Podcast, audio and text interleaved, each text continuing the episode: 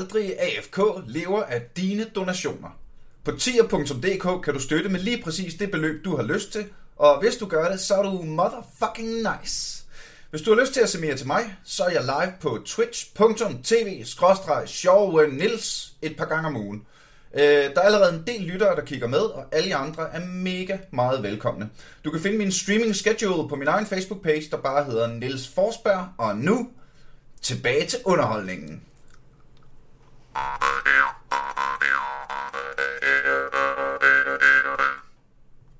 Jamen det er det. Jamen det er, og det er, jo, det er jo det bedste, der kommer ud af det her. Det er jo, at øh, hvad hedder det, Bauer Media sparer utrolig mange penge på kaffe. ja, fordi kaffen, det er, et, det er et stort udgiftspost for det meste i et ja, mediehus. Det er det altså. Det er det altså. Øh, især sådan et stort mediehus med mange gæster og sådan noget. Øh, velkommen til Aldrig FK, en podcast i karantæne, hvor vi i dag forsøger at optage gennem Discord. Hold kæft, det er spændende, men hold kæft, jeg håber, det virker. Jeg er så træt af Zoom. ja, det tror jeg, det er mange, der er. Jesus Christ. Øh, og de var, også, de var også helt sådan, hey, nu skal der karantæne, her er Zoom, bare brug det gratis, alt bliver skide godt. Tre uger efter, nå, skal du ikke opgradere til Pro, så du kan få lov at snakke længere end 40 minutter, skal du ikke det? Jo, lige præcis, at jeg tror også, der er også et eller andet med, med hvordan de gemmer private oplysninger og sådan noget, som ja, det ikke er så ja, godt. Det, det er der vist også noget med, at de ikke er så. Plus, bare sådan helt lavpraktisk, at de kan ikke, hvis man optager i Zoom, så gemmer den i et format, som jeg ikke kan bruge, så jeg selv skal ind og convert det bagefter. Den gemmer mm. det, hvad hedder det, automatisk et sted, uden at jeg kan få lov til at, øh, at øh, selv navngive det, så jeg kan finde det bagefter. Og fandt jeg ud af, hvis du øh, laver en optagelse efter en anden optagelse, så gør den det, at den simpelthen sletter første optagelse. Er det ikke fedt? Jo, det, det har vi også. Det, da vi skulle begynde at lave, da vi skulle begynde at lave video, øh, videooptagelser af vores slides, når vi skulle lægge dem ud og sådan noget, ikke? Mm. så fandt vi ud af, at det gjorde det også, at der blev man, den første løsning, som, øh, som min kollega kom frem til, var, så må jeg jo vente til i morgen med at lave den næste. Nej, nu fandt, så fandt jeg ud af, hvordan man ændrede navnene, ikke? Altså, så man trods alt kunne lave mere end en video om dagen. Jesus titty fucking Christ, mand. Rigtig alle velkommen til uh, Aldrig FK, en podcast om gaming, hvor jeg i dag har usædvanligt godt selskab her i, på den anden side af, af internettet. Rigtig hjertelig velkommen, Mikkel Lodal. Tak skal du have, Niels. Mikkel, øh, vi skal snakke om BioWare i dag, ikke? Det skal vi. Øh, men øh, så, så gjorde jeg jo det, øh, at jeg tænkte, jeg skal jo have, jeg skal jo præsentere dig ordentligt. Øh, så jeg googlede dig skulle lige. Åh, oh, du har endda mødt mig. Googler man folk efter man møder dem nu? Ja, men jeg øh, møder for mange, så jeg kan huske alt. Jeg kan, altså, det er jo ikke, at jeg ikke kan huske dig, men hvad du sådan helt specifikt mm, laver, og hvor du laver det og sådan noget, kan jeg sgu ikke huske. Hvad mm. hedder det? Øh, så, øh, og så fortæller øh, Wikipedia mig, Mikkel Lodal er en dansk ekspert i spiludvikling. Det er rigtigt. Daglig leder af Institut for Dansk Spiludvikling. Det er også rigtigt. Underviser på Dania Games. Stadig, stadig Danias spilafdeling i Grenå. Præcis, så vi jo er distribueret ligesom alt muligt andet nu. Så og vi ikke kun i Grenå. Og, og rådgiver i EU-kommissionens Horizon 2020 forskningsprogram om computerspil. Hvad? Det er også, ja. Det gør jeg også. Øh, så jeg har været, så før, dengang man måtte rejse rundt i, øh, i Europa, så har jeg fløjet rundt og, og reviewet projekter også for EU-kommissionen for at sikre, at, øh, at de brugte pengene ordentligt.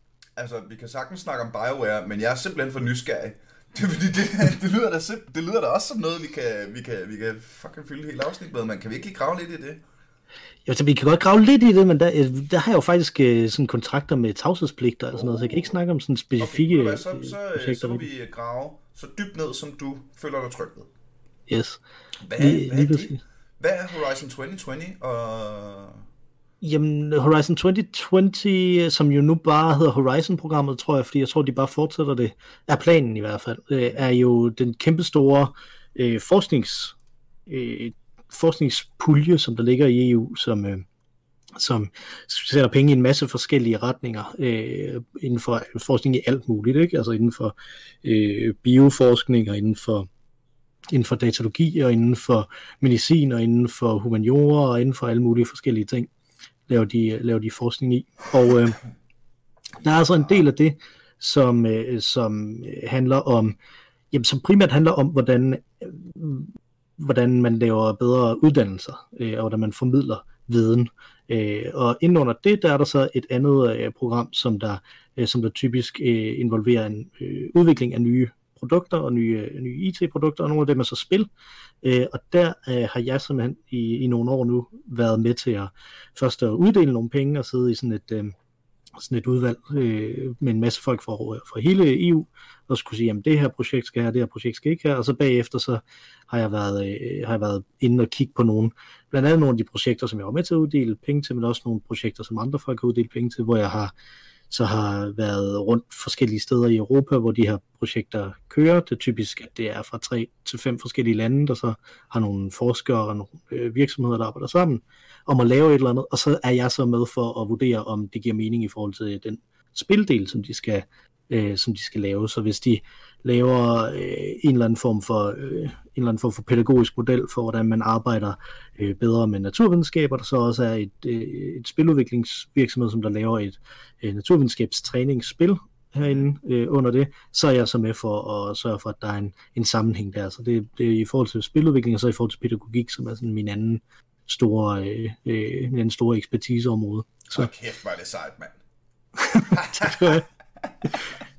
Jeg vil lidt på pause, fordi at de ikke kan blive enige om budgetterne, øh, og hvad der, øh, hvad der skal ske. Øh, og så var det jo selvfølgelig meningen, at der skulle ske en masse her i foråret, men der sker ikke noget som helst. Så. Nej, ikke rigtigt. Det var, også, øh, det var også lidt skørt for mig. Jeg havde, jeg, fuck, jeg havde planer, mand. ja. Er du sindssyg, mand? Jeg skulle have været på folkemøde og arbejde igen, højst sandsynligt. Ja. Øh, hvad hedder det? Jeg havde skrevet et øh, stand-up show, som stort set var færdig og klar til at blive udgivet. Øh, eller hvad hedder det? Klar til at blive optrådt med, og så senere øh, udgivet. Og nu øh, spiller jeg bare rigtig, rigtig meget computerspil, hvis jeg skal Nå, men jeg manglede da alligevel lige en, øh, en undskyldning for at sidde indendørs i to måneder for at spille computer. ja, hvis det så bare var det, ikke? Hvis alting bare var, var pauset, og man tænkte, okay, men vi kommer tilbage igen, og alt bare bliver bare godt igen, Jamen, det det, man, så ville det jo være fint. Fucking, altså, jeg ved, altså, jeg går ud fra, at Comedy Zoo for eksempel åbner igen på et eller andet tidspunkt, men jeg ved ikke, hvordan, og under hvilken, hvilke forudsætninger og sådan noget. Jeg, har også, Jamen, jeg, læste, øh, jeg, jeg læste en af dine kolleger, der var sådan lidt stresset over, at der var en masse andre stand som der begyndte at lave sådan nogle Zoom-shows og, øh, og lave alt sådan noget online og sådan noget nu, ikke? Altså, ja. Hvor man lad os tænke, at konkurrencen var væk pludselig. Mm, nej, altså problemet med at lave Zoom-shows, det er, at det bliver sgu ikke det, bliver ikke det samme. Mm. Det bliver ikke lige så godt. Det, det, der er sgu noget særligt ved live comedy. Det, det er ligesom forskellen på at se... Det er lidt federe end at se et, et, øh, at se et show på DVD. Men øh, hvad hedder det... Øh, så det, det er den ene udfordring, at dit produkt ikke bliver lige så godt. Og den anden udfordring er, at øh, alle mennesker, der ser det, jo i teorien bare kan optage det og smide det videre ud. Ja. Så det der med, at du... I, i stand-up har vi sådan en ting med, at du, du i gåsøjne afliver materiale, når du optager det. Ja. Men inden da, har du, jo, har du, inden da har du jo sikkert været på en eller anden form for turné. Øh, hvad hedder det? Øh, så det er sådan lidt, hvis det, hvis det kommer på en download, eller hvis det kommer på fjernsynet, så er det dødt. Og så skal du have skrevet noget nyt. Hvad hedder det? Øh, men, her, men normalt kan man jo gøre det, at du starter i Herning.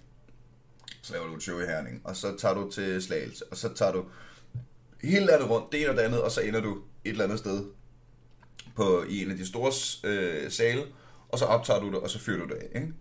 Mm. Hvis du skal lave det på Zoom, så kan du lave det en gang. Ja. Og så er det det. Plus, at du får jo ikke... Alt, alt på internettet er gratis, så du får jo ikke alle dem, der kigger med, til at lægge en fuld billetpris. Mm. Som er det, der skal til for, at du kan overleve som komiker. Det er jo ikke fordi... Well, nogle komikere tjener rigtig, rigtig godt, ikke? Men de fleste... Hvad hedder det? Ja. Så det er mærkeligt. Det er rigtig mærkeligt, det hele. Øh, BioWare.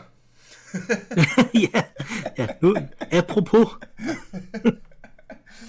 Hvad hedder det? Øh, her i karantænetiden, der øh, prøver jeg jo selvfølgelig at fyre så mange afsnit af den her podcast af så i stedet for, ikke? Øh, som overhovedet muligt. Og øh, jeg skrev jo, øh, hvad hedder det, øh, hvad hedder det, jeg sagde det ud og skrev ud på Facebook, og øh, Mikkel øh, rose to the occasion. Det gjorde jeg. Hvad, vil du selv åbne den? Jamen altså, det, er jo, det, er jo, det har jo faktisk lidt med karantænen at gøre, fordi at jeg har jo kastet mig tilbage i, uh, i et gammelt Bioware-spil, som jeg har, som jeg har spillet uh, før. Nu her som sådan en slags retro-spil nu, ikke? Mm. Altså, det er Knights of the Old Republic. Åh, øh, som, øh, fuck, det er som jeg har spillet så mange gange før, ikke? Computerspil, mand. det er nemlig virkelig godt.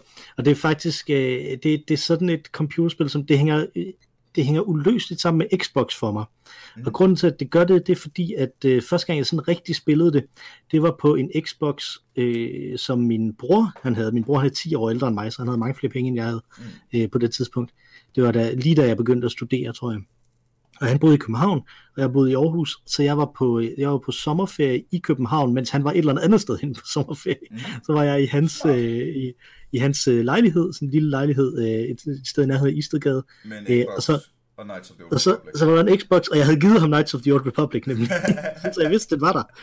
Så, øh, så det jeg gjorde, det var, at om dagen, så gik jeg lange ture, fordi jeg havde ikke nogen penge, så jeg kunne ikke tage en bus eller noget som helst. Så jeg gik lange ture rundt byen, øh, og, så, om, øh, og så kom jeg hjem, og så om aftenen så spiste jeg frysepizzaer med ketchup, øh, mens jeg spillede Knights of the Old Republic Fuck, det lyder hyggeligt, mand. i, øh, i en uges tid. Øh, der lige, øh, lige, sådan, lige omkring, da jeg var omkring 20 eller sådan noget, ikke? Det sjove er, Øh. at hvis du erstatter Knights of the Old Republic med Bannerlord, så snakker vi om mit liv den sidste måned. det er bare, gå en tur om dagen, få lidt frisk luft, kom hjem og spis frysepizza med ketchup. Spil noget Bannerlord. Men, men, øh, men jeg streamede det ikke dengang, det gjorde man jo ikke dengang. Ja, ja, Så, det- øh, så jeg, sad, bare- jeg sad bare med det selv og, øh, øh, og spillede det her, og spillede det her spil, og det er jo altså virkelig, det er sådan et rigtig, det er syret at tænke tilbage på den tid, ikke? fordi det var den tid, hvor, hvor Star Wars prequels stadig var, var det Star Wars, der var, ikke? Mm. Øh, og der var alt det her expand, Expanded Universe, som var bøger og tegneserier og alt sådan noget. Og så var der så det her spil, som er måske noget af det bedste Star Wars, der overhovedet er lavet. Ikke? Det er jo Knights of the Old Republic 1, ja. om, og eventuelt 2'eren, det kommer det an på, hvad man, hvad man synes om, at det jeg aldrig helt blev færdigt. Jeg synes, 2'eren var sygt fed. Ja, jeg synes også, det er rigtig godt. Det spiller jeg nu, fordi jeg er blevet færdig med 1'eren. Så, nu er jeg hoppet videre til toeren. Øh, og jeg havde faktisk, jeg, jeg havde fuldstændig glemt, at jeg ejede de her spil selv nu også. Så, jeg, så da jeg gik i totalt i retro mode, så gik jeg ind og købte Knights of the Old Republic 2 igen, selvom jeg havde det. Mm. Øh, så, nu, øh, så nu sidder jeg og spiller det, øh, og det er jo backwards compatible, så jeg spiller det på en Xbox One, som, øh, som jeg har fået fat i for ikke så lang tid siden. Øh, så, øh, så, så det føles sådan rigtig, rigtig nostalgisk. Jeg synes, det er det, der er det, er det, der er det skægge ved BioWare, det er, at nostalgien er ekstremt vigtig i det hele taget med BioWare. Ikke? Øh, at, at det der med at komme tilbage til, til spillene, er mindst lige så interessant som at spille dem første gang. At det tror jeg har noget at gøre med, at, øh, at de der, øh, der de companions, som der er i BioWare, de, bliver, de er skrevet bedre end, end nærmest alle, altså nogle companions rundt omkring Ja. i, øh, i computerspil. Så når man kommer tilbage, så har man det som om, man kommer tilbage til sine gamle venner, ikke? Altså, Ja, ja, ja. øh, Hvis vi lige øh, begynder at, øh, at rydde dig nedad, ikke? Altså, det er jo også BioWare, der har lavet... Jeg, jeg får gåsehud. Jeg, jeg sidder seriøst med gåsehud lige nu, bare fordi jeg siger Mass Effect. Altså, yes, og præcis. Hvis du... hvis du... Altså, det, fuck, hvor er Mass Effect elegant, altså. Og de der companions med hver især deres egen. Jeg, jeg, jeg, jeg tror, Mass Effect er grunden til, at jeg ikke kunne spille The Outer Worlds. Ja, det kan jeg godt se. jeg gik i gang med The Outer Worlds og var sådan lidt, okay, så I har prøvet at lave Fallout, lidt Fallout-agtigt, noget med lidt humor i Mass Effect-universet, men det manglede bare den der, altså jeg, jeg, jeg kunne ikke engang tage det alvorligt. fordi, fordi jeg, ved, jeg ved ikke, om det er, fordi jeg sådan ubevidst sammenlignede det med Mass Effect, men bare sådan, det, okay, så har jeg lavet, okay, nu er der en eller anden, der har designet den her kvindelige, øh, hvad hedder det, companion, og hun er lesbisk, fordi det er oppe i tiden, og det synes folk er interessant i øjeblikket. Det hele virkede så fortænkt. Altså, det hele virkede så, så designet til at være interessant, uden at rigtig være godt. Det er rigtig et meget designet spil, Outer Worlds. Men, øh, men, jeg, men jeg, har et, jeg har et tip til dig. Ja. Hvis, du, hvis du prøver at spille det igen på et tidspunkt, så specialiser dig i melee weapons, og så tag de kæmpe, der er sådan nogle kæmpe store køller, der er bare sådan en lang, en lang pind, og så en stor kugle Ja. oppe i toppen. Det er helt vildt morsomt at gå rundt og bare tonse folk med den. Fysiksystemet i det får det til at se helt åndssvagt ud, når man bare tæver den ind i, ind i folk. Det har, jeg, det har jeg virkelig, mig og min kone har spillet det på den måde, og det var virkelig, virkelig, virkelig morsomt.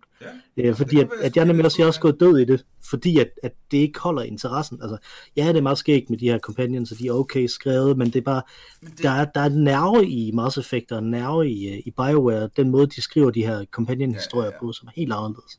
Fuldstændig. Øhm, hvad hedder det? Øh, Dragon Age. KOTOR, mand. Altså, Knights of the Companionsne i KOTOR. Mm. Altså, jeg husker stadig... Jeg, jeg, det, jeg nogensinde har gjort i et computerspil, der har givet mig dårligst smag i munden.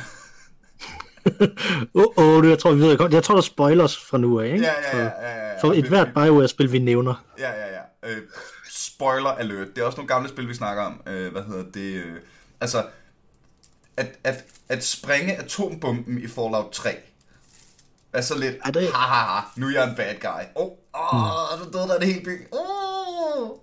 Men jeg mener det er i Knights of the Old Republic, hvor der er en, hvor du har en uh, Wookiee follower, øh, og så en uh, lille, er det Twi'lek, de hedder? De der, uh, ja, det, det er Saltbar og Mission, du snakker om der.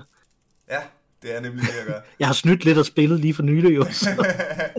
Fordi Øh, så, og dem samler du op nogenlunde samlet, samtidig. Det er sådan en, øh, en øh, ung øh, Twi'lek-dame, fordi det er de vist alle sammen. Twi'lek, det er de der øh, med de blå tentakler ud af, ud af kraniet, ikke? Jamen, ja, dem, altså, de, de, dem, dem, der er pæne af dem, er damer, og de andre, det er ham der, som der lukker folk ind i Jabba's palads, som der bare har sådan, ja, som ligner sådan en pølse, der ikke, har, der ikke er blevet sat ind i en tarm ja, endnu, ikke? Altså. Men anyways, øh, der er øh, den sådan lille, lovable ung Rogue, og øh, sin øh, store, jeg beskytter dig, Wookie-ven. Ikke?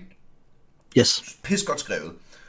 Når du så spiller det igennem som Dark Side, og det skal man jo, altså det skal man jo prøve, så kommer der et øjeblik, sådan lige før slutkampen, hvor du er så consumed by the dark side, at du får mind-controllet den her Wookie til at rive den her lille, sin bedste ven i stykker. Ja havde besluttet mig for, at jeg skulle spille Darkseid, ikke? Så jeg var nødt til at trykke på knapperne. Men lige efter havde jeg gjort det, jeg havde det så dårligt med mig selv. Nemlig. det er det. Altså, altså, jeg synes, det er det, der er, det er det, der det, det er virkelig noget af det, der er det spændende ved BioWare, ikke? Fordi at, at det er noget, de, får rigtig, de har fået rigtig meget kritik for, at det er meget, sådan, meget åbenlyst ondt, eller meget åbenlyst godt, det man kan. Men kombinationen af det, og så de her karakterer, som man, som man føler, man kender, det er bare ekstremt potent, ikke? Fordi ja. at, at det er sådan melodramatiske handlinger, men i forhold til karakterer, som giver mening som karakterer, som man har en, et forhold til os, ikke? Altså det, det er virkelig, virkelig spændende. Øh, der, men det er også et af de få studier, som, øh, som i hvert fald i gamle dage startede med at skrive historierne, og så lavede spillene bagefter, ikke? Altså, at der ligesom kørte sådan mm. writers room i lang tid, ja. øh, i sådan et års tid typisk, inden de, øh, inden de så lavede spillet. Øh, og hvis, hvis, hvis vi nu vi hopper rundt i det her, ikke? Så, ja, ja, ja. så Dragon, Dragon Age 2 er jo famously blevet lavet på et eller andet sted mellem 12 og 18 måneder. Ikke? Det er fucking øh, også dårligt. Og det er nemlig rigtig dårligt som et spil ja. på rigtig mange måder, men det er skrevet helt vildt godt stadig, så det er som om, det kun er noget det, ikke? Altså, det er syret. Jeg, jeg, jeg tror sgu, jeg gik kold i toeren. Jeg var sådan, ej, det, det virker som sådan noget... Altså alt, hvad jeg havde lyst til ved etteren, fandt jeg ikke i toeren. Mm. Det var sådan, allerede efter 6 minutters gameplay var det sådan lidt, men er det her et, et japansk anime actionspil, jeg sidder og spiller? Hvor fanden er det rollespil, jeg leder efter? Altså... Ja, det er meget, meget anderledes. Ja, ja, ja. Øhm... Jeg havde lige en tanke. Men du siger, at det var... At det... Så du har spillet Dragon Age 2 igennem også? Ja, ja, ja, jeg havde det faktisk til anmeldelse i gamle dage. Mm. Jeg plejede at anmelde spil på YouTube for, øh, for GameTest øh, kanalen, mm. som, der, som der også kørte på DK4, så fik, jeg det, så fik jeg det til anmeldelse. Jeg var meget begejstret for det, fordi at, at jeg skulle anmelde, så jeg skulle igennem det også. Ikke? Så, så der powerede ja. man igennem de problemer, der var gameplaymæssigt. Og det er nemlig skrevet super godt hele vejen igennem. Sindssygt. Det kan være, man skulle samle det igen. Bare for altså, det, det, det er ret nemt at, øh, at få fat i relativt billigt nu, tror jeg. Så. Ja, ja, ja. ja, ja. Øhm, når du siger det der med, at det bliver skrevet først, og så bliver spillet lavet bagefter, det får mig til at tænke på Baldur's Gate 2, som mm. ikke var BioWare. Men, eller øh, bare på Baldur's Gate-serien, selvfølgelig ikke, øh, ikke nødvendigvis kontoren. Men øh, noget af det, der er så grineren ved Baldur's Gate-serien, vi har dækket det i podcasten før, det er ikke sikkert, at alle hører alle afsnit, øh, det er jo, at alle dem, der skrev Baldur's Gate og kom op med, lavede alle idéerne, alle karaktererne og alting til Baldur's Gate, der var ingen af dem, der vidste en skid om programmering. Mm. Det var primært øh, medical doctors, som sad og spillede rollespil nede i deres kælder. Og hvad hedder det, det var en af grundene til, at Baldur's Gate var så langt foran for sin tid.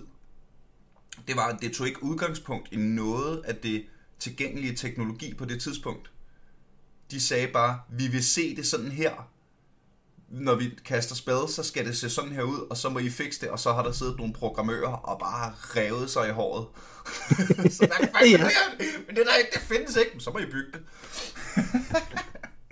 Lige præcis, og jeg tror langt hen ad vejen, at det er faktisk en ret fornuftig måde at gå til computerspil på, fordi at, at, at der er ikke, computerspil er jo sådan en underligt mærkelig ting, hvor man bare hamrer noget, noget sammen og håber, det virker, ikke? Altså Mm. der er ikke sådan, der, det er ikke på samme måde som, som at bygge et bord, hvor man ligesom har mange tusind års erfaring i, hvad, hvordan tingene fungerer, og det er i det samme fysiske verden som vores, vel? Altså, det, er, det, det hjælper ret meget det der med, at der er nogen, der, der bare stiller umulige krav, som man så skal prøve at realisere, og så i og med, at man får realiseret det, der er muligt af de krav, så finder man frem til det spil, som det bliver. ikke? Altså, men hvis man, hvis man skal tage sådan de lange briller på, så er det måske også der, at øh, BioWare har en udfordring nu. Ikke? Altså, øh, de, de sidste tre titler, BioWare er kommet med, har ikke været super store øh, succeser på. Hvad har det været, hvad har det været for tre titler?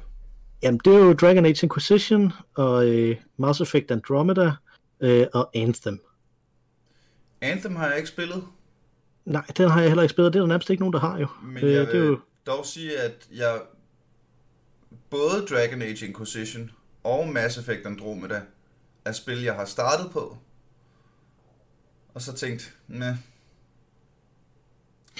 Ja, altså jeg har det jo med dem, jeg har med dem begge to, at de er sådan rimelig, rimelig solidt, hvis man tager det hele omkring de, to, de to spil, Mhm. så er de sådan rimelig solidt mellem til mellem godt spil, ikke? Altså, og så er der bare nogle ting, der bare er helt fantastiske øh, ved dem, men begge øh, de to, og det synes jeg så også gør sig gældende for Anthem, er lidt, øh, har, har problemer, fordi de har taget udgangspunkt i noget teknologi i stedet for.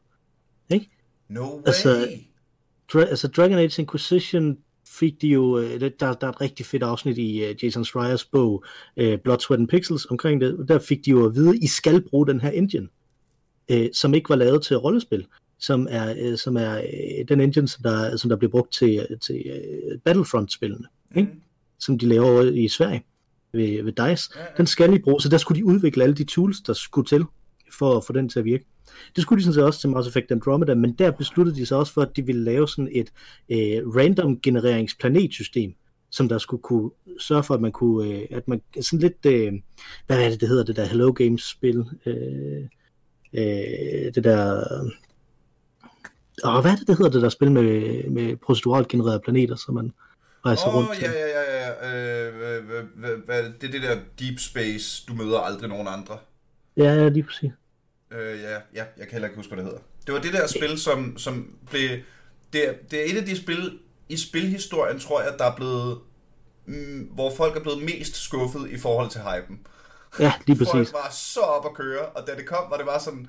Så jeg flyver bare rundt i universet, og møder ikke andre. Nej, fordi det er universet. Altså, det, der er, virke- det er virkelig svært at finde nogen, noget levende liv i universet, jo. lige præcis. Og, og som i øvrigt skulle være blevet meget, meget bedre i Ja, ja, ja. Ikke? Nå, vi, måske kommer vi på det senere, hvad det hedder, Det men det er i hvert fald Hello Games, der har lavet det. Mm. Øhm, og, det. Og det var ideen, at de også skulle gøre det, men det fik de jo aldrig implementeret, for de fik det aldrig til at virke.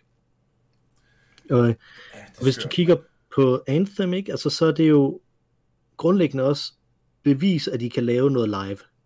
Mere eller mindre, at det, den, det handler om det spil. Ikke? Bevis, at de kan lave noget live action kamp, som der ligner noget af det, som, som der fungerede ret godt i nogle af de der Mass Effect øh, spil, ikke? Altså i Mass Effect 3 Ja. og Mass Effect Andromeda, Andromeda, der fungerer kampen ret godt i, ikke? Ja. Altså, så lav det øh, som, som sådan et live service spil, ikke? Altså det, øh, og, og det er jo også netop fordi det tager udgangspunkt i det, og ikke i det, som, som BioWare brandet er, som er de her velskrevne Ja. historier.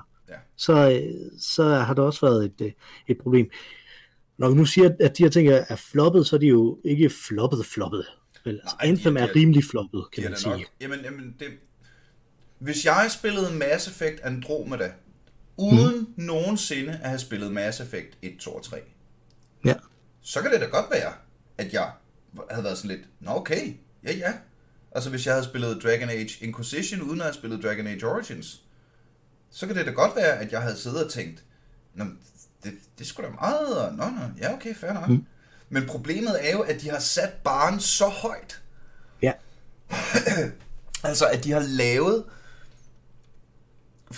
altså, benchmarks for, hvordan man laver gode computerrollespil. Og så øh, har de... øh, Altså, det, det kan da også være svært, at, øh, at fucking skulle... Altså, hvad kan man sige? At lave The White Album igen og igen og igen, ikke? ja. Altså, det, nu, nu er du jo spildesigner. Hvad hedder mm-hmm. det? Øh, kan, vi, kan vi grave lidt i det her med, hvad fuck gør man, når man har lavet noget, der er genialt og skal videre? Det, det er faktisk et rigtig godt spørgsmål, fordi det er meget af det, som man knækker, øh, knækker nakken på. Mm. Netop fordi, at, at det som at spil langt hen ad vejen bliver opfattet som, og nok også ret langt hen ad vejen er, det her, som jeg snakker om før, ikke? at man smider nogle ting sammen og håber, det virker. Øh, og, hvis, og hvis det er den måde, man går til det på, øh, og det så pludselig holder op med at virke, ikke? Så, altså, hvis, hvis designprocessen ikke fører videre, hvis man bliver ved med at være i at iterere og prøve at finde på nye ting, og prøve at se, om det her system virker, Ja. prøve at se, om det her det er sjovt og sådan noget. Altså, det er jo ikke, det er jo ikke fordi, i Mass Effect Andromeda, når jeg siger, okay, de prøvede at lave det her proceduralt genereret planetsystem, de fik det aldrig til at virke, så er det ikke et spørgsmål om, at, at det ikke virkede, det er et spørgsmål om, det ikke var sjovt, og det ikke kunne komme op til det niveau, som de, som de gerne ville, men de brugte alligevel halvandet år på det jo, ikke? Altså, Ja. på, på det her, som de bare blev nødt til at smide ud, og så, øh, og så starte forfra i Altså, virkeligheden. de, ikke? kunne, de kunne have lavet Mass Effect på én planet. Slet ikke noget planetrejseting, men bare med en god historie. Mm. altså, Ja, det, ja, det er det, og, og det er også et, øh, der er en masse andre ting, der spiller ind bagved, ikke? Altså fordi at dem, som der, dem, som der lavede Mass Effect Andromeda, det var jo alle dem, som der var juniors på Mass Effect 3. mm, Rigtig mange af dem, ikke? Altså at de endelig fik lov til at afprøve nogle af deres idéer om, Ja. hvad, hvad, hvad, man kunne gøre med det her. Øh, og, det, og det kom bare aldrig til at, til at passe sammen i forhold til Altså, det det- release schedule, som de skulle have. Også Mass at, Effect 3 led, øh, eller Mass Effect øh, Andromeda led primært i mine øjne af, at jeg ikke kunne få lov at være Shepard. altså, den, vil være svær, tror jeg, at, at lave et, Ja, ja, ja, efter Mass Effect det 3. godt. Og, men, men, men, altså, du ved, du er vant til at være, og altså, jeg er jo, jeg er jo langt hår og har skæg, og øh, er sådan lidt ah, uh, flipper rock and roll, ikke? Men når jeg spiller Mass Effect, så er jeg Shepard, som, altså præcis som udgangspunktet, sådan her ser Shepard ud. Han er kortklippet, og han er all business, ikke? Det er, det, det føles så badass. Du har de der øh, Paragon options, når du snar i dialogerne. Du har de der Renegade options, hvor du fucker shit op. Og du, den der immersionen af at være Shepard, og hvor meget du investerede i Shepard, og hvor fucking badass han er. Han er så badass. Hvis, øh, igen, I gang imellem spiller jeg øh, sagtens finde på at spille Mass Effect igennem som en kvindelig Shepard. Bare for at se nogle andre sexanimationer. Du er ligesom det der Fox News, som der havde det der med, at, at Mass Effect, det var en uh, sex-simulator. Har du, har du stødt på det nogensinde? Nej. At de lavede sådan et helt indslag omkring det. Uh, at, at det, her, det var sådan, at hele spillet gik ud på, at man skulle designe sin egen figur og en sexpartner, som man havde. Og så viste de sexscenen med Liara øh, fra, fra etteren. Det er jeg tror, jeg tror ikke, der er meget, der er ikke meget i verden, som der er mere usexet end Mass Effect 1. Altså, det er virkelig, det er virkelig et tørt rumrollespil, ikke? Altså, så, og så bare med, noget, med et par sexscener til sidst. Jeg er elsker virkelig- Fox News, mand. Det var, det var er virkelig, virkelig underligt at kalde, at kalde det en sex-simulator. Det var meget mærkeligt. Nå. Nå, men anyways, så jeg er så investeret i Shepard, at være den her intergalaktiske rum-badass. Mm. Og så i Mass Effect Andromeda, så skal du spille sådan en teenager. Øh, hej, jeg har lige kommet, øh, jeg har lige fået den her ene stribe på min øh, jakke, som gør, at nu skal I næsten høre, hvad jeg har at sige, men jeg er stadig en total nobody, som forresten er totalt usikker på mig selv, og ikke ved, hvor jeg passer ind i samfundet. Og, hvad? Hvad? Hvor er ham, der ligger skaller til Krogans? Kan vi ikke lide? det, det, det, det, det handler om. jeg gider ikke spille sådan en 17-årig usikker på sig selv teenage-version af en teenage Vil- dirtbag. Ville det have været anderledes, hvis de havde kaldt den Andromeda af Mass Effect Story? Nej, brøm. det ved jeg Nej, sgu ikke. det- Det kan godt være. Det ved jeg heller ikke. Det, kan det er brandet der. Nu åbner jeg lige en kaffekande, så håber jeg ikke, det larmer for meget. Åh, det er en god lyd. Det er en god mikrofon, du har der. Det er faktisk ikke... Jamen, det, det, altså, den, op, den opfanger meget, men jeg tror ikke, den er så god i virkeligheden. Den var relativt billig. Altså, det der, det lyder som en ølreklame. Det, Jeg er også på mange måder en ølreklame. så, længe man ikke kigger på mit body mass index. jeg skal hellere kigge på dit Mass Effect Index. Ja, lige Body. Mass Effect Index. Jeg, jeg har jo en, min kop på arbejdet er jo en Mass Effect 3 kop, ikke? Fordi at, øh, at der i lang tid... slutning. Det, var- det finder vi aldrig ud af, men øh, der er masser af promise øh, om, om gode konsekvenser. Øh, men fordi at jeg, øh, jeg, jeg underviser jo i, i, i netop spildesign, og at jeg trak i rigtig, rigtig mange år sindssygt meget på, øh, på Mass Effect og på Mario, og så fik jeg så den her Mass Effect Cup. Øh, men faktisk så det Dragon Age Origins, det var min allerførste gang, jeg nogensinde skulle undervise, der underviste jeg i det. Øh, og grunden til, at jeg, altså første gang jeg skulle undervise i computerspil, Mm. grunden til, at jeg gjorde det, det er fordi, at, og det er en ting, der er glædet ud efterhånden, som det er blevet sådan mere voiceover-agtigt, og det skal være, altså, det skal være lidt mere i, lidt i samme retning, ikke? Altså Shepard, man kan, man kan variere Shepard rimelig meget, men ikke sådan vildt meget, vel? Mm. Men, Du men kan, variere, du kan variere hans udseende, og så kan du variere, om han skal være good guy eller bad guy. ja, nemlig, og så sådan lidt frem og tilbage i nogle af de der Ja. ting, ikke? Altså, og så der er de der store moralske beslutninger, dem kan vi komme tilbage til lidt senere. Men, men hvis man tager Dragon Age Origins, så kan man, så, så er der jo 10 vidt forskellige Undskyld. Ja. Sidder lige og optager. Jeg ringer tilbage senere. Hey. Sådan. Men hvis man tager, hvis man tager Dragon Age Origins, ikke? Altså, så, så, så er der jo 10 vidt forskellige ting, man kan svare på, på ting. Øh, specielt i, i det der Origins, der er, ikke? Mm. Så, så i, jeg tror det var i min første undervisningsteam, der gik vi over i øh, vores computer lab og spillede Dragon Age Origins, så spillede vi Dværge Origin. Mm. Øh, og sådan s- snakkede om, jamen, alle de her forskellige svar, man, øh, man har her, man læser dem alle sammen, inden man, inden man vælger dem jo ikke, så du lærer en masse omkring, hvordan dværgekulturen er, uden at det bliver sagt, fordi at du selv vælger ud fra de her, det er, det er de muligheder, du har, ikke? Ja, Og jeg synes, det, det der virkelig er interessant ved, ved, ved, ved de her Bioware-spillere, den måde, de går til dialog på, ikke? Altså, det er, at de, de ridser nogle muligheder op for, inden for det her mulighedsfelt, kan du spille den her karakter, kan du være den her, øh, den her figur, ikke? Altså, Åh, det er sejt tænkt.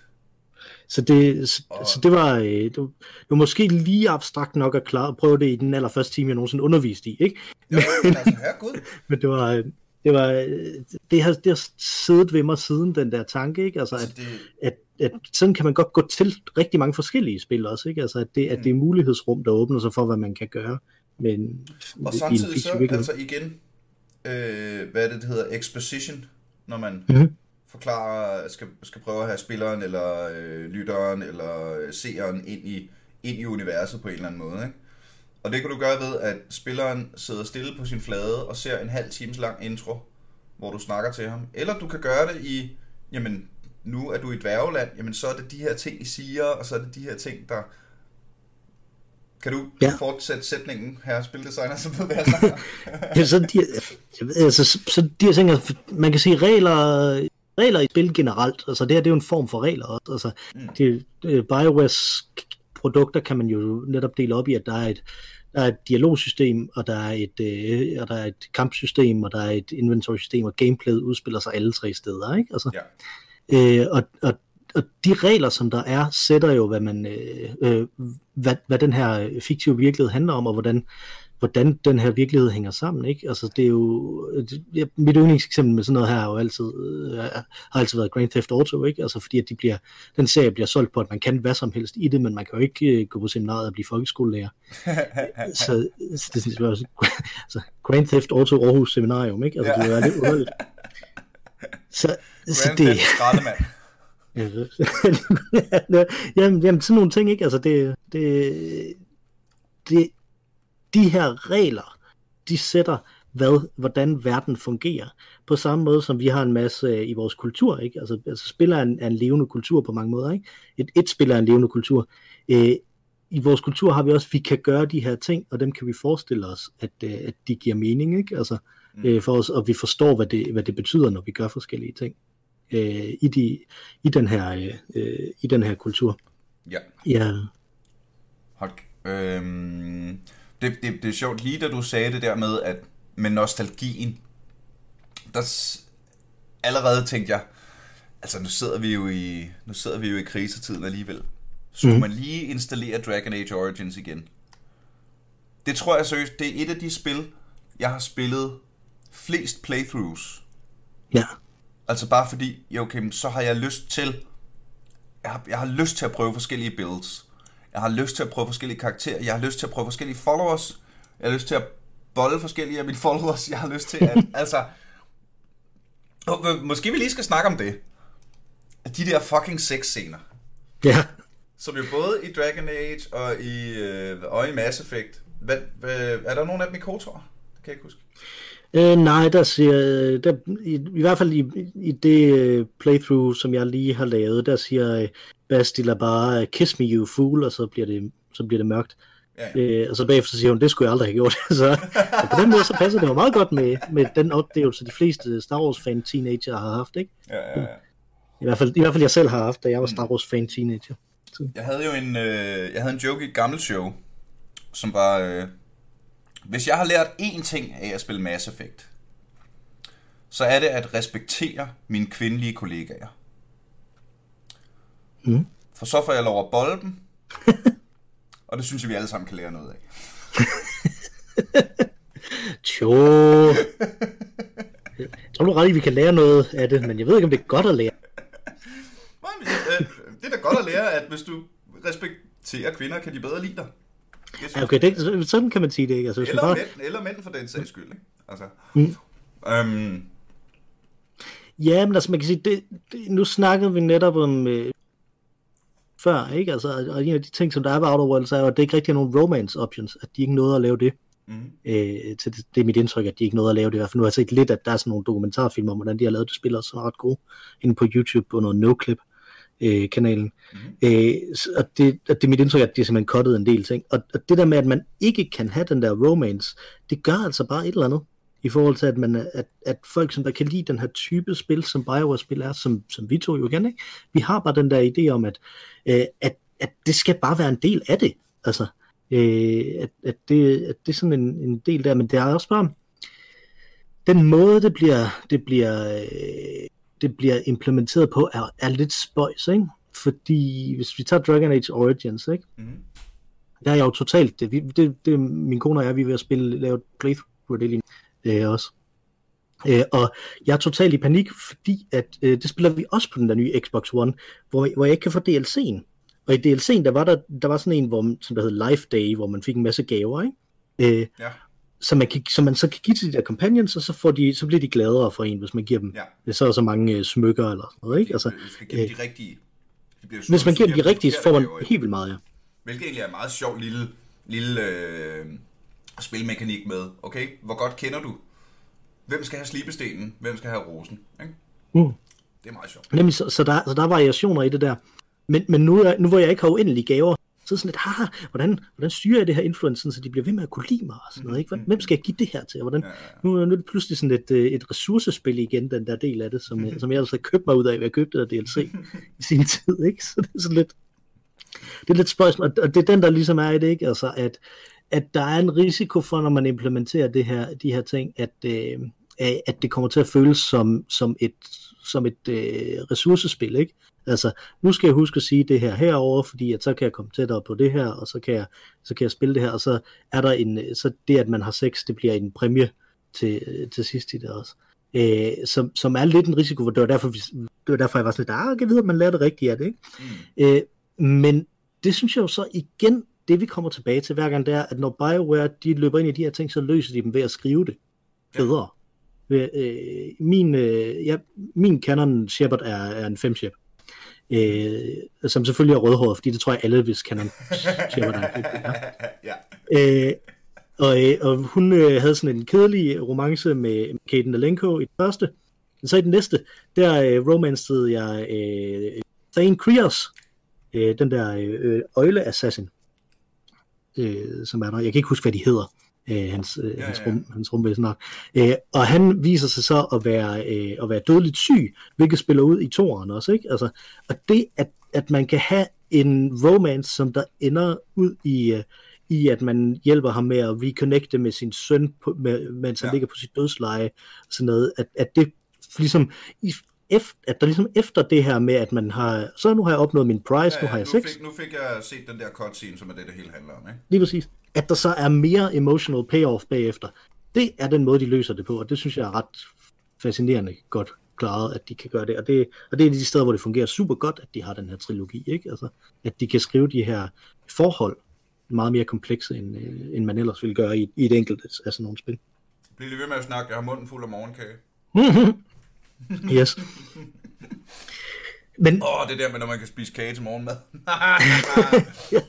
Lige en kage, det er også k og karantæner, der rimer. Ja, ja, der, der, jeg, jeg ledte efter et ordspil, sådan noget kage, kagetæne.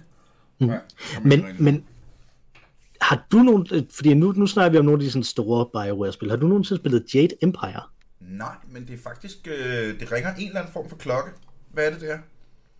Jade Empire, det er sådan et, øh, også sådan et rigtigt, ligesom et Bioware-spil, om man så må sige, med companions og romance, og mm-hmm. man bevæger sig rundt, men så er det så bare i øh, en, øh, en fantasy-udgave af Kina. Mm-hmm. Og så har det sådan et martial arts kampsystem øh, i det, hvor man sådan har forskellige øh, kampstilarter, øh, som man skal øh, som man skal bevæge sig rundt og, og gøre, og så, så har man sådan noget fokus og chi og sådan noget, som man skal øh, som man skal balancere med. Åh, oh, det er øh, sejt. I det. Det er virkelig, virkelig fedt også. Altså det, det, man kan, i det der kan man godt mærke, at de virkelig har fokuseret på at udbygge den her verden, og det er det, de har øh, gjort, og så ret meget af det, det er rimelig øh, sort-hvidt også. Ikke? Altså der er også mm. to, uh, The Way of the Open Palm og The Way of the Closed Fist, ikke? Mm. Altså, som der svarer til de der Renegade og Paragon ting. Ja. Uh, så, så det er relativt simplistisk på mange måder, men bare det, at det er i en helt anden setting, er ret, uh, er ret spændende og ret interessant uh, at spille, så det, det vil jeg klart anbefale, at man, at man, uh, at man undersøger og, og, og og opsøger sådan set, mm. nu her, hvor man har, hvis man har tiden nu her, ikke? Altså, ja. så, er det, så er det et, godt, et rigtig godt rollespil, som jeg tror, de fleste har, har overset. Også fordi jeg tror faktisk også, at det var Xbox Exclusive i lang tid. Så, øh, men det, det spiller jeg lidt af lige på Xbox One. Øh, jeg kan varmt anbefale, at hvis man gør det, så skruer man lige sværhedsgraden en lille smule ned. Fordi ja, ja. at, øh, ikke, ikke så meget fordi det nødvendigvis hele tiden er træls, at man ikke kan klare de der kampe, men fordi autosave-funktionen ikke er særlig moderne. så, så jeg mistede 45 minutter i går. Nej. fordi at jeg tænkte, okay, dem derovre, det er bare sådan nogle drunkards, dem kan jeg godt klare. det kunne jeg ikke. De viste sig at være drunken masters. Pis! ja, lige præcis. Det var frygteligt. Seriøst? Nej, nej, nej. Det, nej. det kunne, det kunne, det kunne også være godt. De var, de var soldater, men, øh, men men de var Drunken Master-soldater, I guess. mm, er der andet, øh, nu hvor vi har specifikt dig at snakke med, er der andet øh, i BioWare, du bruger i undervisningen?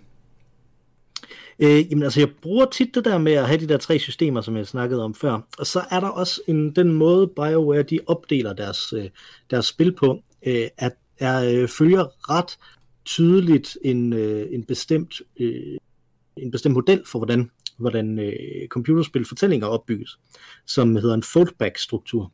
Ja. Som, øh, som er, du, altså hvis, det, det er svært at forklare det her uden at tegne det, ikke?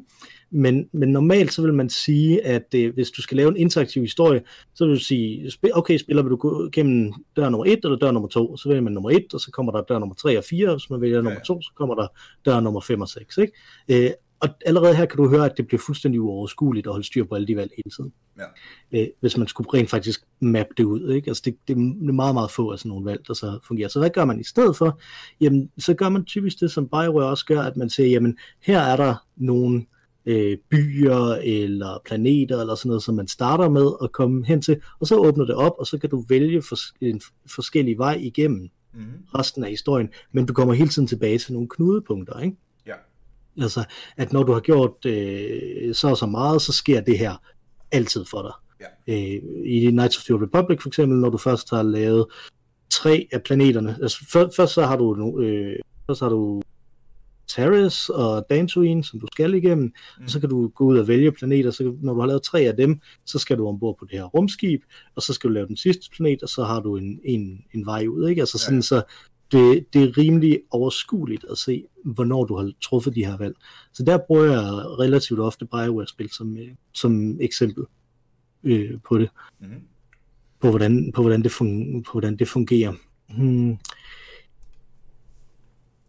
Og så så er det, altså det er meget det der med, med tanken om, at, at dialog også er, et, også er en del af gameplayet, ikke? Altså, Ja. øh, fordi at, at det jo typisk er noget, som, øh, som, som i rigtig, rigtig mange andre øh, spil er det noget, som der kommer bagefter, det her, der bliver skrevet, ikke? Altså, øh, det, det er en af de underlige ting ved, ved spilbranchen, det er, at typisk, hvis man er forfatter i spilbranchen, så bliver man hentet ind et år eller halvandet ind i et projekt til at skrive alle de ting, som der skal skrives. Seriøst? Ja, ja, det er mange Afhænger, af. afhænger det ikke af, hvad det er for et spil? Og det afhænger selvfølgelig lidt af, hvad det er for et spil, men, men normen er det. Hvis du, hvis du laver en platformer, Mm. hvor der skal være, øh, hvad hedder det, øh, øh, altså nogle, nogle sjove elementer. Jeg, jeg, jeg kommer til at tænke på, øh, åh, hvad er det, det hedder, det der VR-spil, som Bolværk Games laver, hvor du står på en, øh, Dick Wild hedder det. Mm. Hvor øh, min øh, gode ven og kollega Mads Brynum jo blev hyret ind til at skrive øh, one-liners, han kunne sige, mens han skyder krokodiler. Ikke? Altså, i, der er det klart, at der er VR-gameplayet af, at du skal føle, at du står på en tømmerflåde og skyder krokodiler, vigtigere end jokesene, der kommer. I'm gonna turn you into a bag, et eller andet, ikke? Sådan noget, ikke? Øh, Ja. Hedder det? Øh, så der kan jeg godt se det. Men når du laver et rollespil, fortæller du mig så, at mange rollespil bliver, bliver startet i, altså den der hønen og ægget, der er i historien og enginen? Jamen altså faktisk så, så vil jeg mene, at der er ret mange rollespil, der starter på den måde, ja. At de starter med at lave, at de starter med at lave de tekniske systemer og få dem til at virke. Mm. Øh, og, så, øh, og så fylder mere øh, content på bagefter.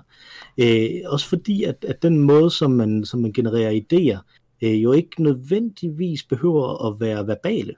At, øh, at det typisk er mere normalt, at det så er en programmør og en grafiker, som der sætter sig ned og prøver at lave noget, og lave nogle concept øh, skitser til det, og så har sådan en eller anden vag idé om, i hvilken retning det skal, øh, i hvilken retning det skal være. Men jeg tror, at hvis du tænker på, hvad, for, hvad er de store computerrollespil, man kan komme i tanke om, så tror jeg, at langt de fleste af dem har forfattere involveret ret tidligt. Ja, ikke? Men det bliver så bare rampet op, sådan så øh, ret mange af de quests, som der er, de først bliver skrevet langt, langt hen i det, ikke? Altså, at Ja. man har en forfatter, til, der starter med at skrive øh, en eller, anden, øh, en eller anden overordnet historie, om at det er det, det skal være, og definere nogle af de her karakterer og sådan noget, Mm. og så får man så øh, lavet det, sat det op på en måde, sådan, så det fungerer, og så kommer der forfattere ind øh, bagefter til, til at fylde det ud. Nå, men det giver vel Øh, meget god mening. Så, men, men, men nu er det også rollespil er en ret lille del af spilgenren. Øh, så spilbranchen, ikke? Altså, Mm. der er, øh, der, det, nu snakker vi jo, det, det er noget af det, som der giver os rigtig mange varme følelser, og som vi, og som vi identificerer rigtig meget med, men det, det er jo ikke, det er ikke der, de store penge bliver tjent. Nej, det er vel multiplayer. Det er i multiplayer, det er mobil, og det er de kæmpe store blockbuster, ikke? Altså, Ja. Øh, så, så det, det der... Men hvis du tager noget andet, hvor man tænker, der må der være forfattere øh, med fra starten af, øh, og rigtig mange forfattere med fra starten af, så kunne det jo være sådan noget som øh, Grand Theft Auto og Red Dead Redemption og den Ja. slags. Øh, og det er øh, til en vis grad også rigtigt, men nu ved jeg lidt om Red Dead Redemption 2 og hvordan det blev, det blev udviklet. Ikke? Øh, og der var et af de store problemer, som der gjorde, at de blev nødt til at arbejde så meget mere, som de gjorde, det var, at at så kom de ind, og så skulle de være for, så skulle de skrive historien om, fordi de fik nogle nye idéer. Og så blev de nødt til at lave en masse ting ud og smide en masse arbejde væk, Mm. som de havde lavet, ikke? Øh, bagefter, fordi at forfatterne ikke øh, var, var der i starten, om man så må sige. Ikke? Øh, der er et øh, super godt øh, lille indie-spil, som der hedder The Writer Will Do Something, som man kan spille for at få en fornemmelse af, hvordan det er at være, øh, at være forfatter på et computerspil. Er det, Det vil er, det, det vil er det sådan et meta-computerspil? Det, det er det i den grad. som er skrevet af, af forfattere, nogen der er forfattere på computerspil. det, og det er gratis, så det, det vil jeg klart anbefale, at man googler det. The writer will do something. The writer will do something. Åh, oh, mm. det lyder sjovt. Det er også på pensum, når jeg underviser.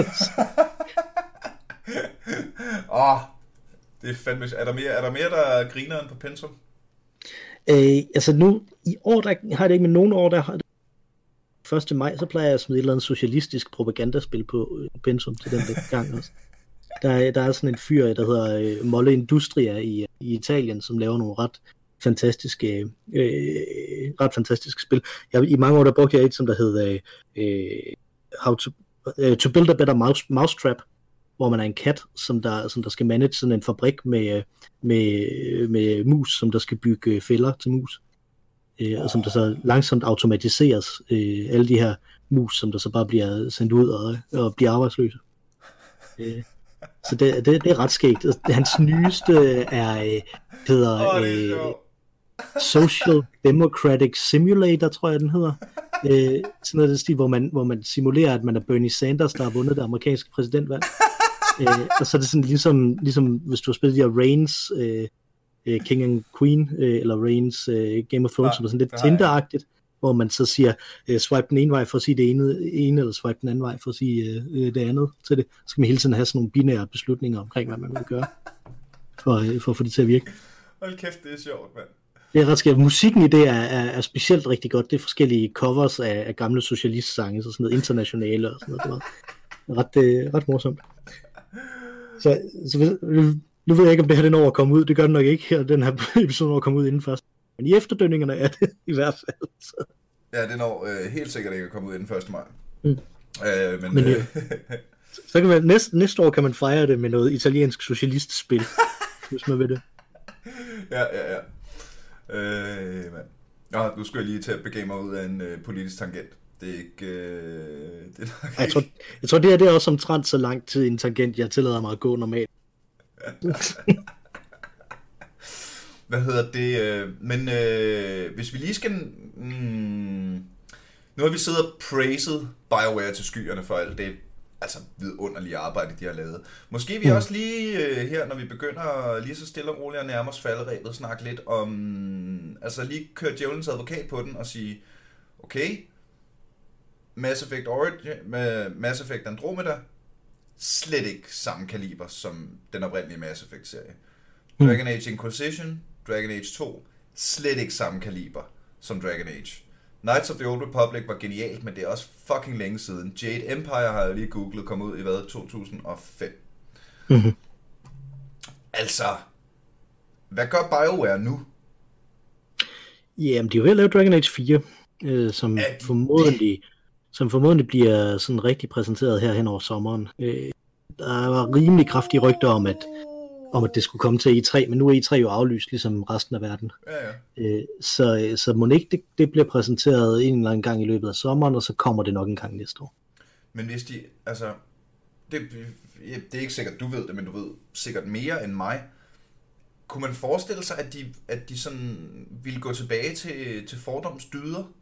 Fordi hvis de bare, hvis de, øh, altså, hvis de nu laver med, øh, hvad hedder det, Dragon Age 4, og det ender med at være sådan et, øh, hvad hedder det, øh, lavet på en eller anden jap, øh, japansk manga engine, hvor, øh, hvad hedder det, at man, altså, fordi det, var, fordi det var smart, eller den øh, engine havde et andet spil, der solgte en masse penge, og så tænkte bare, øh, kan man, kan man, ved vi noget som helst om de tager sig sammen?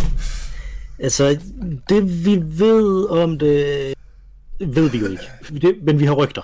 Ja. Øh, og det, det er jo rygter, som, det, vi, det er rygter, som der er... Det, det er rygte, som, der, som jeg tror mest på, fordi det kommer fra ham der Schreier, som jeg snakkede om før, som er ret det er god til sådan noget her, mm. det er, at de øh, efter, øh, altså, at det er bygget op til, at det skulle integrere live services meget mere. Fordi det var det generelle øh, diktum fra, fra EA, ikke, som jo ejer BioWare.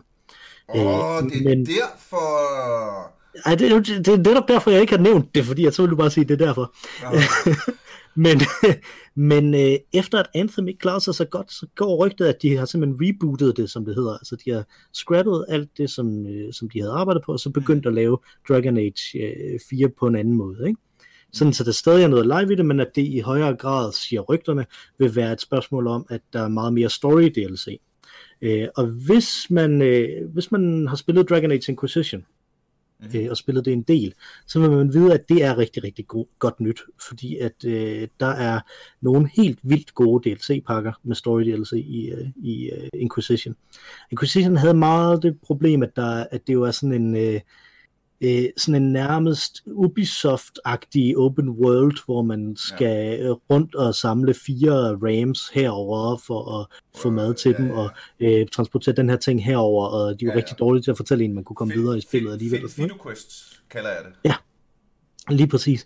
Og det, og det, var, det var ret meget et, et problem øh, for dem der, men, men selve historien igen, det er der, de redder den hjem hver gang, det er skrevet super, super godt, mm. og skrevet så godt ikke, altså at, at det, er jo, det er jo en af de primære grunde til, at jeg, at jeg skulle have den der Xbox, det er jo sådan, som min kone, hun kan have Playstation for sig selv, hvor, vi spiller, hvor hun spiller Dragon Age Inquisition igen.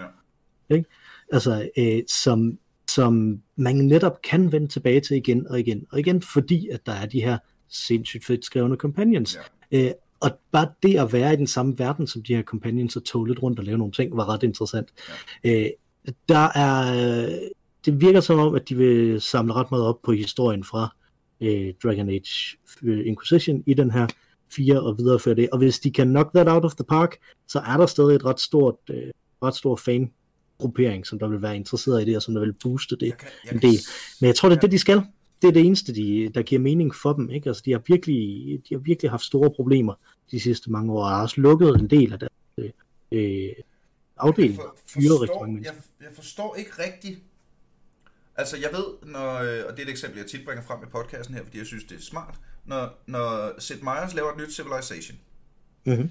så sker det på parolen, at det skal være en tredjedel det samme, en tredjedel noget nyt, og en tredjedel det samme, bare bedre. Det, udover at Dragon Age Origins var så sindssygt fedt skrevet, så var kampsystemet det, jeg gik helt amok over. Mm-hmm. Er du sindssyg et fedt kampsystem, som gjorde, at selvom du har spillet hele historien, som du så selvfølgelig kan gå igennem på forskellige måder og sådan noget, ikke? men altså, du har ligesom spoilerne, det gjorde, jeg, jeg havde lyst til at spille hele spillet igen, bare som rogue, for at yeah. få lov at være en rogue og interagere med det her kampsystem, og skulle bevæge mig om bagved og få at backstabbe, og så kan man lige pause og give kommandoer og sådan noget. Det virkede som om, da jeg nåede til Dragon Age Inquisition, Altså, måden man slås mod en drage i Dragon Age Origins, det er, du bruger en halv time på at lægge en strategi, og rundt og købe de største healing potions, du kan finde overalt, og så ligger du en strategi, tager de rigtige companions, pauser kampen hele tiden, altså kaster de rigtige spells på de rigtige tidspunkter, virkelig sådan øh, prøver øh, at øh, balancere aggro og defensivt, og prøver at få din tank til at tanke, og han skal tårne og alle de der ting. Sådan synes jeg, det var i Dragon Age Origins, hvor i Dragon Age Inquisition, tævede man en drage ved at bede alle dine karakterer om at løbe hen og slå den på knæet. altså, jeg synes hele den der dynamik, hele det der strategi, hele det der, som virkelig betød meget i Origins. I Origins er det jo tit sådan, at du, altså, du er nødt til at loade en kamp, bare fordi du startede den forkert. Der yeah. virkede Inquisition meget mere sådan, okay, jamen øh, nu løber vi alle sammen hen, og så slår vi den i knæet, indtil den dør. Fordi den yeah, er stor, men... så vi kan ramme den i knæet. Og man kan måske sige, at, at, at det er en rejse, som der, som der er væk fra, fra de der pen and paper rødder, ikke? Fordi at Jamen, i pen and paper handler alting det. Og så over til, over til ja. noget mere computerspil-agtigt, ja, ja, ja. og sådan action game-agtigt, ikke? Som hænger sammen med mange forskellige ting, men som blandt andet jo så netop også hænger sammen med, at, øh, at de blev opkøbt af Electronic Arts, øh, og, øh, og de de jo vil have det ud på flere forskellige platforme, mm. som, som sådan en første ting også, ikke? Altså, mm. øh, at øh, hvis du kigger på, øh, på Dragon Age Origins, er åbenlyst lavet til PC. Mm. Og så har de også haft en underleverandør til at porte det over til ja, ja. konsoller, ikke? Øh, og hvis du kigger på Mass Effect 1, så er det åbenlyst lavet til Xbox. Ja. Og så er det så portet over til andre ting, ikke? Så den der, den der laserfokus forsvinder jo, hvis man vil, hvis man vil vækste så meget, som de gerne vil gøre, ikke? Som, de, som jo var... Øh, så det er jo grunden til, at man bliver købt af en større virksomhed, det er, at man vil prøve at udvide de her operationer, øh, som, som man har. Og det tror jeg måske øh, også, at de at dem, nu snakker vi nemlig om, at det var læger, det var jo The Doctors, ikke? Mm. Altså, som der, som der var, for helvede, der, der, de er jo også forsvundet derfra, ikke? Altså, de har jo, ikke, de har sig tilbage. Du kan, ikke, du kan ikke vækste ved at lave et, et dårligere produkt. Så jeg, kan ikke, jeg kan ikke se, hvordan det nogensinde skal blive til vækst, at du går væk fra det, som gjorde, at du havde succes til at starte med. Jamen, det, men det vil jeg jo så også argumentere for. Ikke?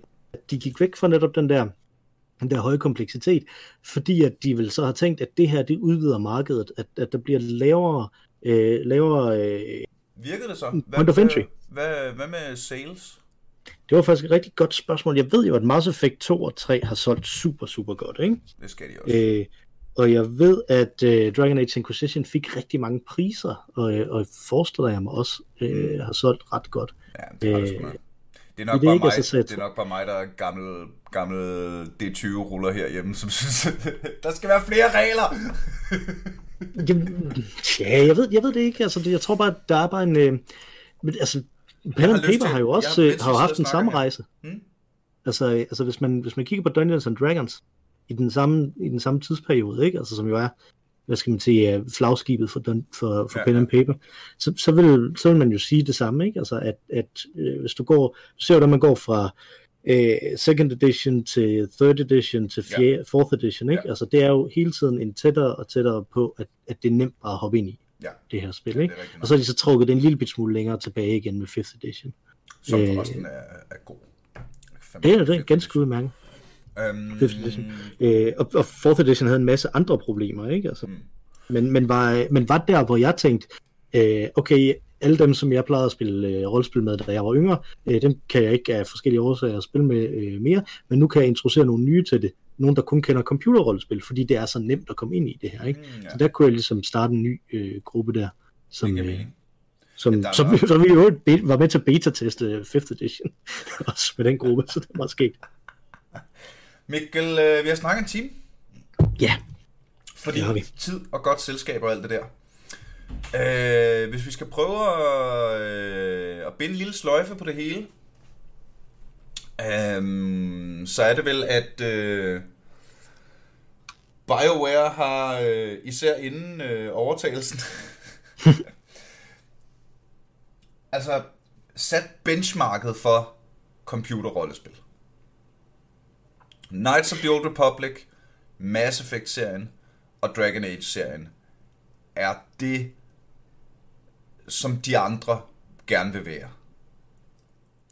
Ja, i hvert fald når det kommer til historiefortællingen i det, ikke? Ja. Altså, øh, og jeg tror, den er vigtig at have den distinktion med, fordi at, at jeg tror, det er andet benchmark, som kommer fra nogenlunde samme tid, lidt tidligere, ikke? Men mm. det må være Fallout 1 og 2. Ja. Ikke? At de er benchmarket for, hvordan systemerne, ligesom, øh, og dem, som er mere sådan øh, worldbuilding, og ikke så ja. meget ja. karakterer og ja. plot øh, ja. historie, ikke? Altså, ja. at det, er det, det er det, folk gerne vil leve oh, op til der. Pointe. Og, og hvis du kigger på sådan noget som Divinity 2 Original Sin, ikke? Altså, mm. øh, som, øh, som, som er et, øh, så, som jo netop er ret godt til at kombinere de her ting, ikke? Altså, så er det jo, så er det jo sådan noget som, og Disco Elysium også, ikke? Altså sådan nogle, sådan nogle af de her øh, relativt ret nye øh, rollespil, som, som prøver nogle helt nye ting også, Ja. Men det er, jo, det er jo åbenlyst folk, der har spillet både Bioware-traditionen og så den der øh, Fallout øh, mere hardcore øh, tradition. Mm. Ikke? Altså, så, så, så, så man kan sige, Bioware sådan spilhistorisk er det, der er interessant ved dem, det er i hvor høj grad det lykkedes dem at, øh, at centrere karakterudviklingen og centrere øh, karaktererne, hvordan de bundet sammen med plottet og, og spillerens valg i ja. det, ikke? Altså. Så, øh, så det, det, er ret, øh, det er ret fascinerende at kigge tilbage på nu, og det var helt vildt fedt, dengang man var ung i det, ikke? Altså, det er virkelig, det, det er sådan noget, hvor, hvor jeg tænker, tænk hvis jeg, tænk hvis jeg igen blev så entusiastisk, som jeg var, da jeg ventede på Mass Effect 2 og 3. Altså, ja, ja, ja, ja, ja. Helt vildt, altså det var Mass Effect 2, den, øh, der var jeg, da, da jeg fik det, der var jeg på besøg hos mine svigerforældre, og, og det var, det var meget, meget problematisk socialt, at jeg bare besluttede mig for, at nej, nu jeg har jo taget min Xbox med herned, så nu vil jeg spille det. det var ikke super godt. Det var, det var før jeg fik øh, omvendt min kone til, til Bioware-spillene også. Så, Åh, det er sjovt. så det var bare sådan lidt, ja ja, vi ved Mikkel er underlig. Hold kæft, det er sjovt. Så, øh, så, så altså, det har noget at gøre med også, hvornår det, hvornår det kom selvfølgelig, men det er også bare, de er bare super, super godt skrevet. Øh, og så kan man tilgive rigtig mange andre ting, som der Ja. måske ikke er helt perfekte i dem. Ikke? Altså, Ja. så. Mikkel Lodal. Øh, hold kæft, det var hyggeligt, mand. Tusind, tusind tak, fordi du havde lyst til at være med. Tak fordi jeg måtte. Det var rigtig hyggeligt for mig også. Jeg sidder her på min børns legeværelse. lukket. Så Hvad hedder det? øh, Du har skrevet en bog. det har jeg. Hashtag DK Game. Jep, historier fra den danske spilbranche, tror jeg, den hedder også. Så hvis, Som- man er, hvis man er skide nysgerrig på det, så kan man øh, tage og finde den og læse den.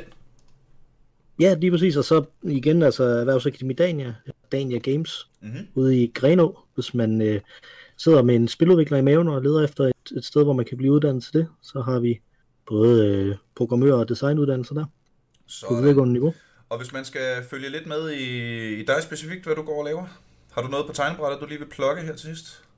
Øh, nej, så tror jeg, det skal være min, min Twitter-profil, hvis man vil følge med der, Sådan. som bare er snabelag The Lowdale. Så Nice. Øh, Snabelag The Lodal på Twitter. ja, du vil have Der, på- der retweeter jeg også min åndssvage podcast. du, har også en åndssvag podcast, jo. Ja, min er virkelig åndssvag. Den hedder bare Øl og Ævl. Så hvis du mangler mere at lytte til, så øh, dyrk den derude. Og så er det min tur. Øh, jeg streamer her i karantænetiden, fordi jeg keder mig. Der er allerede rigtig mange af mine lytter, der kigger med. Øh, det er rigtig fedt. Øh, håber, andre af jer har lyst til at kigge med. I kan finde øh, min streaming schedule på Nils Forsbergs Facebook page. Pa- page, det er mig. øh, mens du er på Facebook, er du selvfølgelig meget velkommen til at smash that like-button på Aldrig AFK. Det er også den nemmeste måde at få fat på mig. Hvis du har kommentarer, ris, ros, gode idéer til gæster og eller emner. Kæmpestor shout-out til de vidunderlige mennesker, som støtter Aldrig AFK inde på tier.dk. Det er jer, som øh, redder min røv. Ærligt talt, det der karantænetid.